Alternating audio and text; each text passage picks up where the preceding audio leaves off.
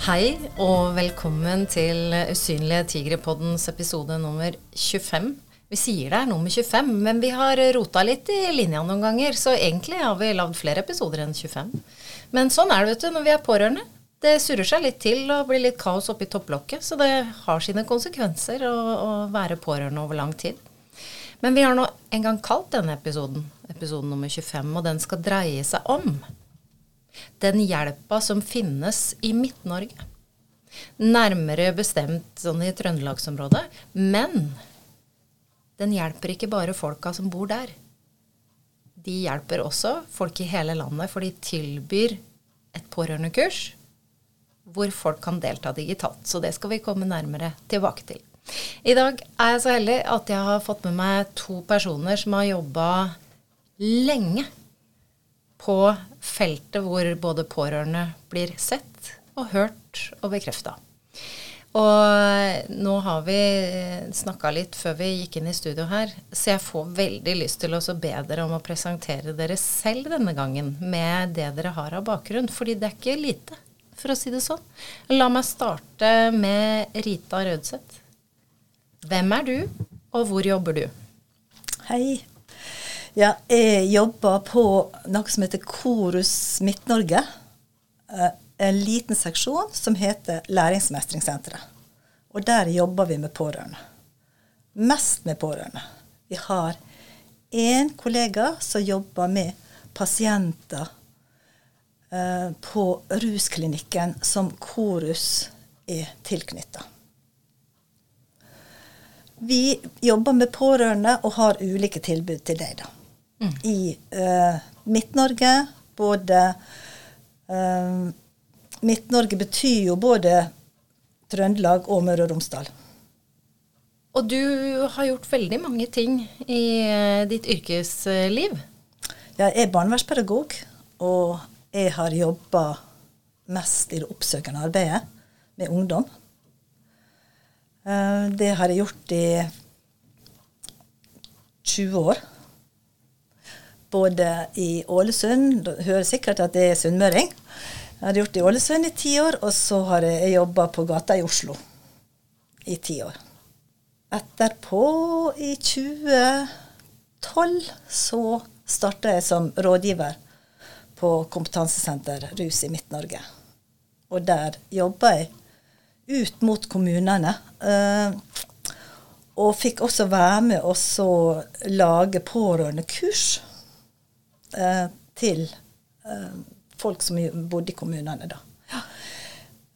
det ble brukt mye ressurser i forhold til det, så vi fant ut at vi må nødt til å gjøre noe annet. Og da laga vi et kurslederkurs til kommuner som ønsker å jobbe med ta tak-kurset, som det heter. da. Så det drives av kommuner nå da, rundt omkring i Møre og Romsdal. Ja, så fint. Og det dere har på en måte av ulike tilbud til pårørende, det skal vi gå litt nærmere inn på. Så skal jeg bare invitere en til med i samtalen her. Og det er en som eh, ikke har mindre erfaring eh, fra jobb med folk, i hvert fall. Karin Tumarken, ivrig kronikkskriver. Eh, de to siste ved tittel eh, 'Gi de pårørende den anerkjennelsen de fortjener', publisert 21.11.2022. Den skrev du sammen med Malin Stensnes, som er generalsekretær i Norske kvinners sanitetsforening. Og på tide å fjerne skammen! De pårørende har det tungt nok. Fra 23.3 i 2021. Karin Tumarken, hvem er du? Og hva har du gjort eh, på feltet, bare for å få din bakgrunn inn i bildet òg? Ja, jeg er utdanna sosionom for ganske mange år tilbake og har like om hjørnet 40 år i yrkeslivet i forskjellige yrker. Nå er jeg rådgiver og koordinator eh, og ansatt i Norske kvinners sanitetsforening. Og rådgir eh, de andre eller alle veiledningssentrene i Norge, som er et tilbud til pårørende, samtaletilbud til pårørende. Men jeg har 20 år fra kommunalt barnevern, og kriminalomsorg har jeg jobba i, og rusbehandling. Det var det siste jeg jobba med før jeg begynte på veiledningssenteret.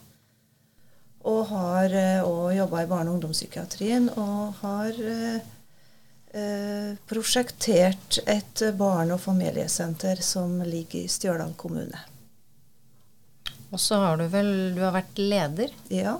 For Ja, jeg har stort sett vært leder både i barnevernstjeneste og i, i rusbehandling og i BUP. Og, og var jeg leder for veiledningssenteret i Midt-Norge i ni år. Så nå er, nå er, det første gang på veldig veldig mange år at jeg ikke har en lederstilling. Hmm.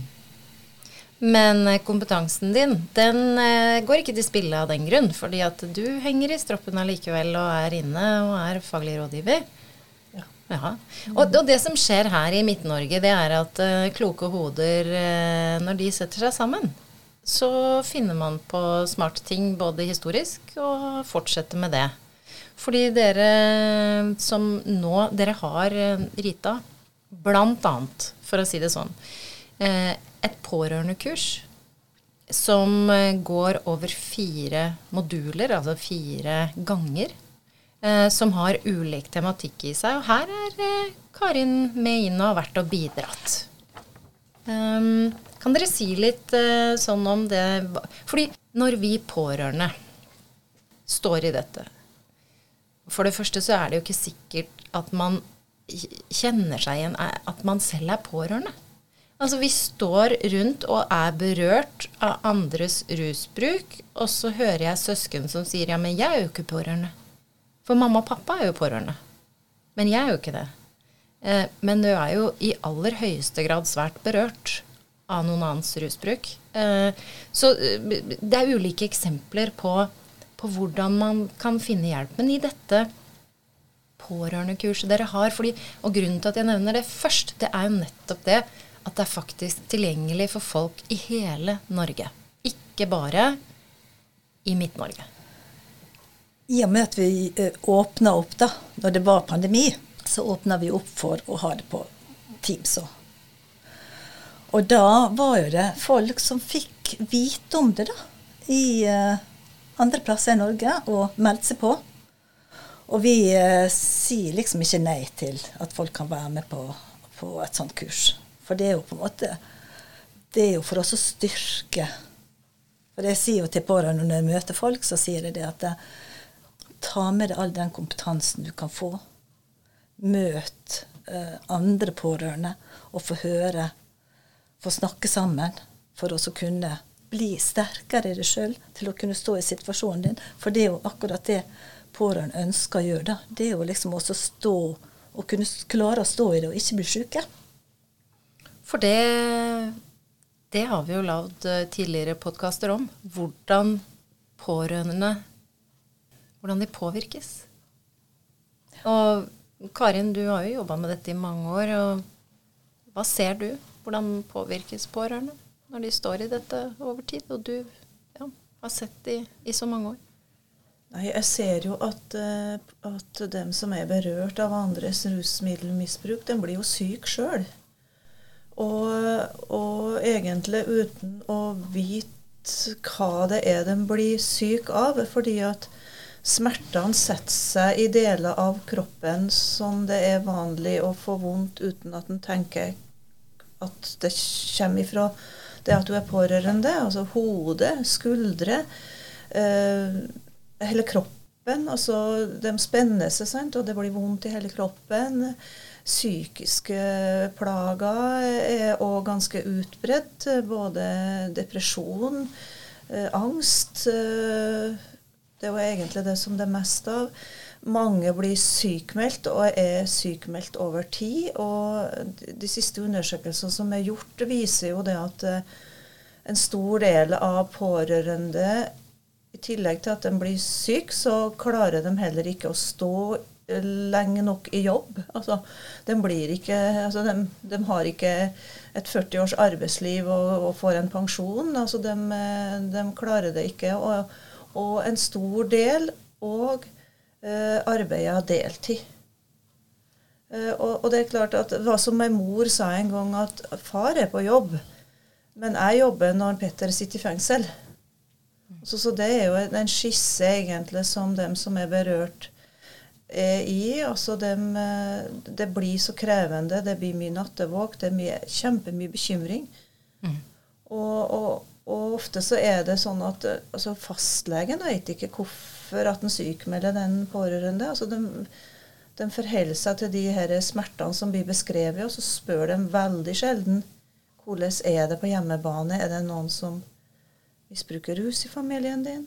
Er det noen som er psykisk syk i familien din? Det er sjelden pårørende blir spurt om, i hvert fall det som vi har fått hørt i våre samtaler. Mm. Og da vil jeg spørre deg Det er noe jeg kan bekrefte, for det ser vi. Og så er det på en måte en annen ting også. Det er jo at det, det er veldig mange som, eh, som um, De som ikke blir langtidssykemeldte eller blir uføretrygda, veldig mange flykter litt inn i jobb òg. Sånn at eh, det blir liksom fristedet deres. Ja. Det er det veldig mange også som har sagt. Men jeg er veldig enig med Karin at det er mye sykemeldinger og langtidssykemeldinger. Og at legene da ikke vet hvorfor folk blir sykemeldt. Men når du, sånn som du sa, det, Jeanette, at det, mange tenker ikke over at det er pårørende. Så klart, det, det, da sier de ingenting om det heller. Og så er det så skambelagt, selvfølgelig. Og det har jo du skrevet en egen kronikk om, Karin. Hva er det med dette denne, de, de, Det som gjør at så mange ikke oppsøker hjelp? Ja, også Bakgrunnen for den kronikken var jo kanskje litt spesiell. Jeg reagerte jo på et, et utsagn som kom i media, som gjorde at, uh, altså, der det ble beskrevet at alle som uh, får et rusmiddelproblem eller vansker med rusmidler, de kommer fra dårlig hjemme. Altså for å si det veldig enkelt. da. Og, uh, og ut ifra mitt ståsted så stemmer jo ikke det i det hele tatt. Og da tenkte jeg dette må jeg gå i, til motmæle i, som gjorde at jeg skrev den den kronikken i mars i fjor. da.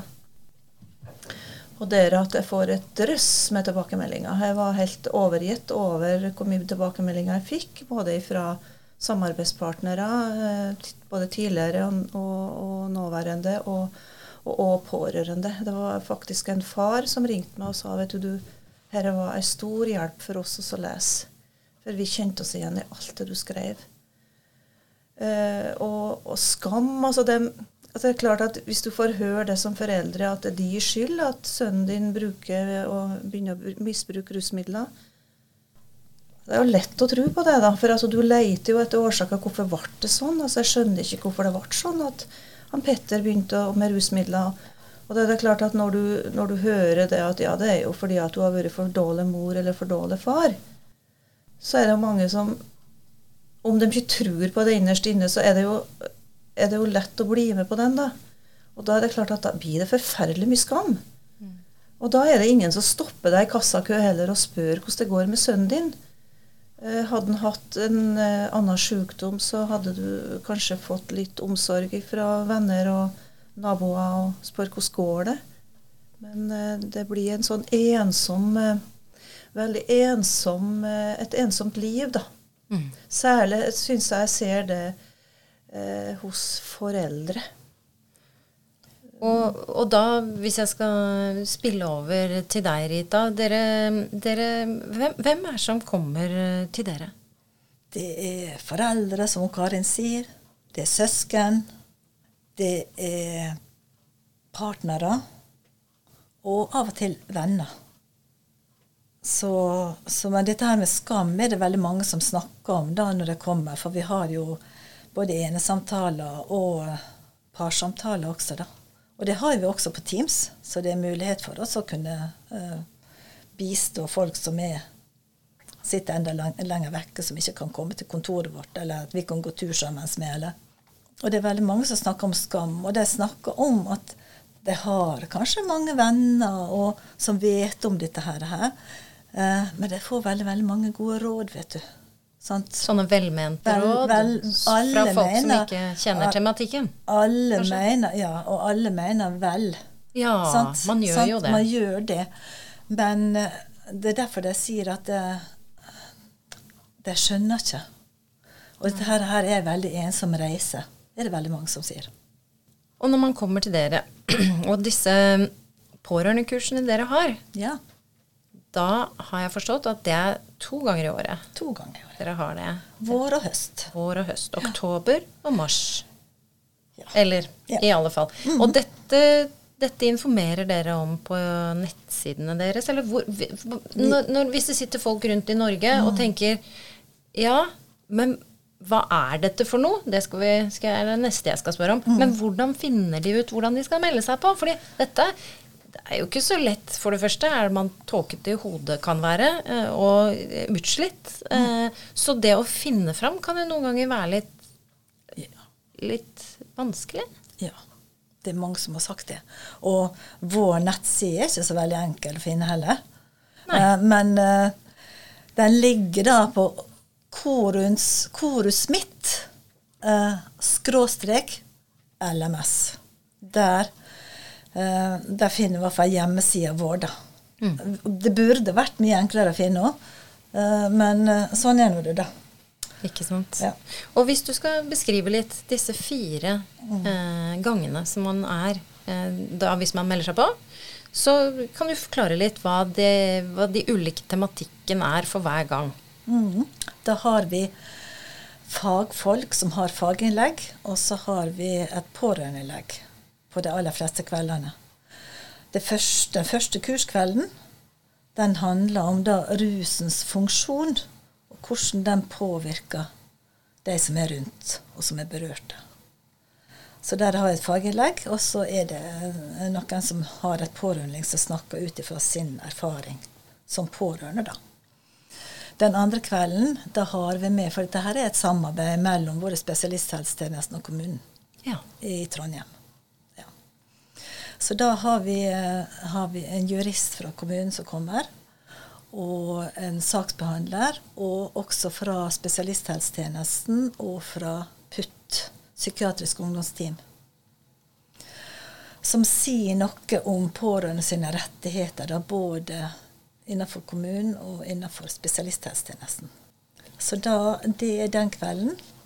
Og det har vært mye spørsmål i forhold til det med taushetsplikt og, og sånne ting. er jo viktige spørsmål som pårørende ønsker liksom et svar på. da. Mm. Og dette med tvang og sånt har også vært et tema. Eh, den tredje kvelden så har vi et tema som heter 'Sammenvevde og selvstendige liv'. Så der har vi eh, fag, faginnlegg som Karin har vært med på å, å ha. Og så har vi et pårørendeinnlegg som snakker noe om den eh, veien som de har gått. da.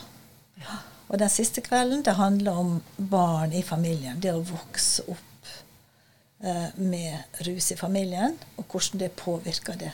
Også når du blir da større og kanskje skal etablere det sjøl. For vi vet jo det at det påvirker barn. Mm. Derfor er det så viktig å snakke om det med barn. Med barn. Mm. Og være ærlig med barn. Ja, nettopp. Uh, og Karin, dette tredje, den tredje kurskvelden, sammenvevde og selvstendige liv, det er ganske betegnende for hvordan uh, man helt naturlig går inn i den uh, 'jeg skal fikse og ordne alt', la meg hjelpe altså, Kan du si litt om det? Hva, hva, er det? Er det sånn som er vanlig? Ja, veldig vanlig.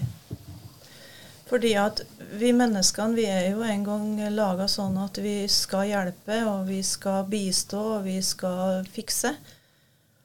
Og så eh, klarer vi det i noen tilfeller, og så klarer vi ikke det når at eh, bunnen i livet vårt ryker med at det blir noen som får, eh, får utfordringer med rusmidler eller psykisk sykdom.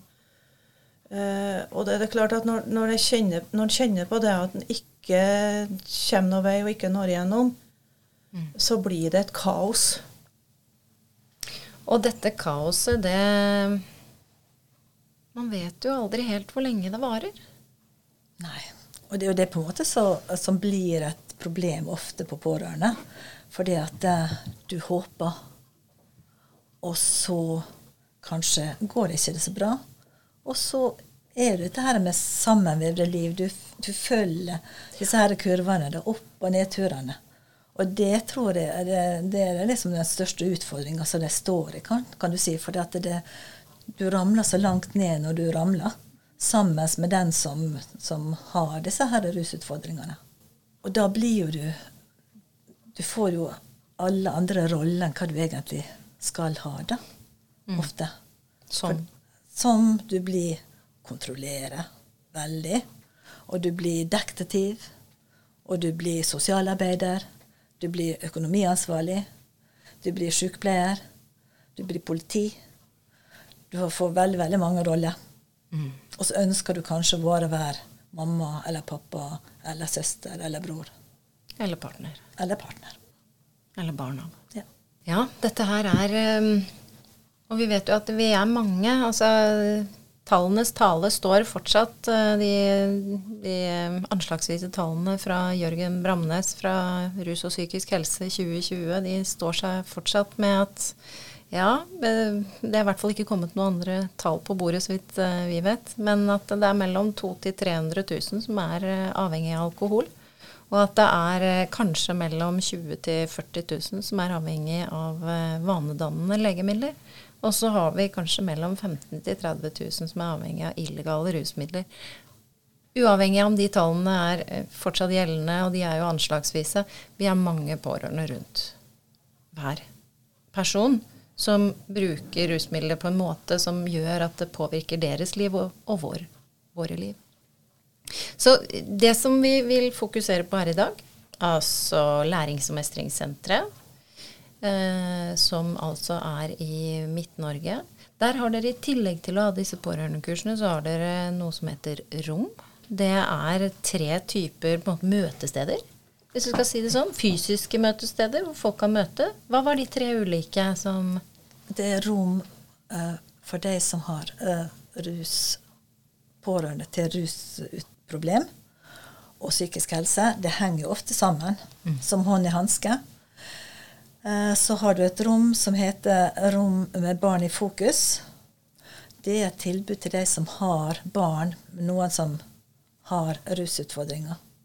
Så har vi også et rom som vi har starta med nå, da, som heter Rom for ungdom og unge voksne som er fra 16 til 35 år.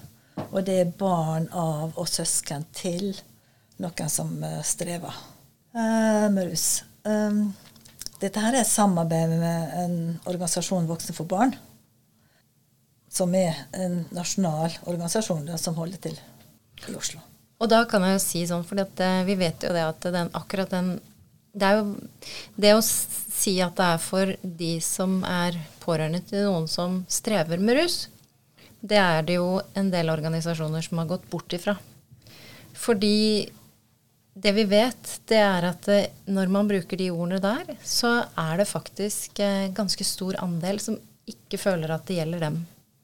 Fordi det er så mange av oss som er berørt av andres rusbruk, hvor den rusbruken ikke fremstår som noe problem for den som ruser seg. Hvilket innebærer at de nyter den og har tenkt til å fortsette med den. Det kan godt være at de har noen tanker rundt det, men i utgangspunktet så, så, så vil det være sånn at for å inkludere pårørende Så Karin, kan ikke du Dere har jo endra den ordbruken der i veiledningssenteret også, har dere ikke det? Ja. Vi er nøye på å, å si at du, du, du, er ikke rusmiddelavhengig, men du har et rusmiddelavhengighetsproblem. Altså det at du ikke Du eier ikke diagnosen. Og, og så er det jo riktig som du sier, at det er, det er jo det som gjør det så vanskelig å være pårørende til den gruppen her òg. At uh, de opplever ikke sjøl at de har et problem. Mange gjør ikke Nei, det. noen klart, gjør jo det. Noen gjør det, mm. men mange gjør ikke det. Og det, det, er klart at da er det vanskelig å være pårørende, fordi at de er ikke pårørende. Altså de, de, hvorfor skal de være pårørende når det er ingen som har noe noe problem eller en lidelse. Mm. Så det er mange pårørende som sier at uh, jeg føler meg ikke som en pårørende fordi at den jeg tror jeg er pårørende til, har jo ikke noe problem. Ja, ikke sant. Ja. Men dere inkluderer alle? Vi inkluderer alle. Ja. Men det er viktig det som du sier, at uh, det å streve med rus, det er ikke alle som gjør det. Nei.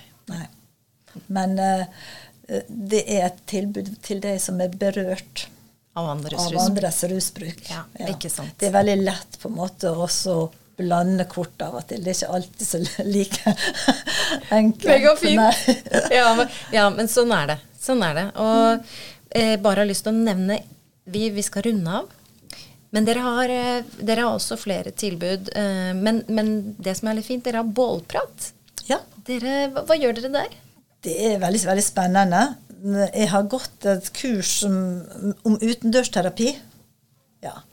Og der, eh, der er det eh, er det jeg til som driver en organisasjon som heter Power. Vi har gått det kurset sammen, og vi har eh, hatt noen tanker om å drive utendørsterapi der vi knytter pårørende med. da. For vi vet jo dette her med å komme seg ut og gå tur ut i naturen, at det gjør noe med både kropp og sinn. Og det at du får litt andre tanker, du får litt annen andre måter å tenke på når du er ute. Og vi har jo hatt noen sånne bålprater. Hvordan gjør dere det? Der har vi møttes, og så har vi tatt med oss eh, noe å sitte på. Vi har tatt med oss noen vedkubber. Vi har tatt med oss pølse, og så lager vi bål. Og så eh, har vi tatt et tema, da, som vi har samtaler rundt. Hvem er som kan være med på det? Hvem som helst? Hvem som helst Kan melde seg på? kan melde seg på. Ja. Men du må jo være med fysisk, da, selvfølgelig. Ja. Ja. Samme som med rom. At man, det er fysisk godt Det er fysisk, men det er, det er litt sånn viktig å tenke på at rom er en erfaringsutvekslingsarena mellom fagfolk og pårørende. Ja. For vi vet jo det at pårørende har masse kompetanse som fagfolk bør få med seg. For det er veldig ofte sånn når du jobber innenfor hjelpeapparatet med pasienter eller, eller, eller de som har et rusproblem, så er det ofte sånn at man tenker enda, dessverre, litt for mye i sånne siloer. Ja, og glemmer at det er på en måte noen rundt der. Så derfor så tenker vi at det er veldig, veldig viktig å få med eh, fagfolk inn i eh, disse her eh, rommene. Flott. For nettopp å få en sånn dialog rundt disse her tingene, og at pårørende kan si til fagfolk, og at fagfolk kan lære. Og kan ta med seg det inn i, inn i behandling, at med pasienter f.eks. Så flott at dere tilbyr dette, denne arenaen. Vi skal runde av. Karin, er det noe du har lyst til å altså nevne avslutningsvis før vi takker for eh, i dag i denne episoden? Noen ord til pårørende? Så det jeg vil si, det er at det er, det er hjelp for alle. Altså det finnes mange gode tilbud som pårørende kan dra nytte av. Så, og jeg oppfordrer alle som opplever at de strever med et eller annet i livet sitt opp imot eh, noen som ruser seg eller er psykisk syk, ta kontakt. For det er alltids noen som kan bistå i den prosessen. Ikke vent til at det går over. Ta, ta og gjør noe med det. Jo før, jo bedre, fordi da kan det være at du klarer faktisk å stå i det lenger. Og ikke minst, hvis vedkommende eller klarer å søke eller ønsker å søke behandling på et tidspunkt, så trenger man jo også krefter Ja. for å være der da. Og så klarer du å stå i jobb. Ja. Det er det ene, det er samfunnsøkonomisk veldig gunstig. Og så er det det andre er at det å øke tilfriskning til den som har problemet. Det at pårørende er frisk. Og ta vare på seg bra. selv. Ja. Ja, Nydelig. Bra. Eh, Rita, hva har du lyst til å si avslutningsvis eh, før, eh, før vi sier takk for i dag? Det er litt sånn som Karen sier, da. Det fins det håp, og det er veldig viktig, tenker jeg, å ta kontakt så tidlig som mulig. Ikke vent. Og om at ikke vi kan gi det tilbudet, så kanskje det fins tilbud der folk bor, men som ikke de vet om, men som vi kan hjelpe til å bidra med å finne. Fantastisk. Mm. Så flott. Og korus, det er jo ikke alle som vet hva det er for noe. Nei, hva er det? Nei. Avslutningsvis? ja, det er Kompetansesenter Rus Midt-Norge. Ja. ja. Det er det. Og det er seks sånne kompetansesenter rundt omkring i Norge, da. Men det eneste lærings- og mestringssenteret? Det har vi i Midt-Norge. Tusen takk for jobben dere gjør for å prøve å bidra til en bedre hverdag for oss som er berørt av andres rusbruk og psykisk uhelse. Er det det det heter? Tusen takk for at dere kom, begge to, Rita og Karin.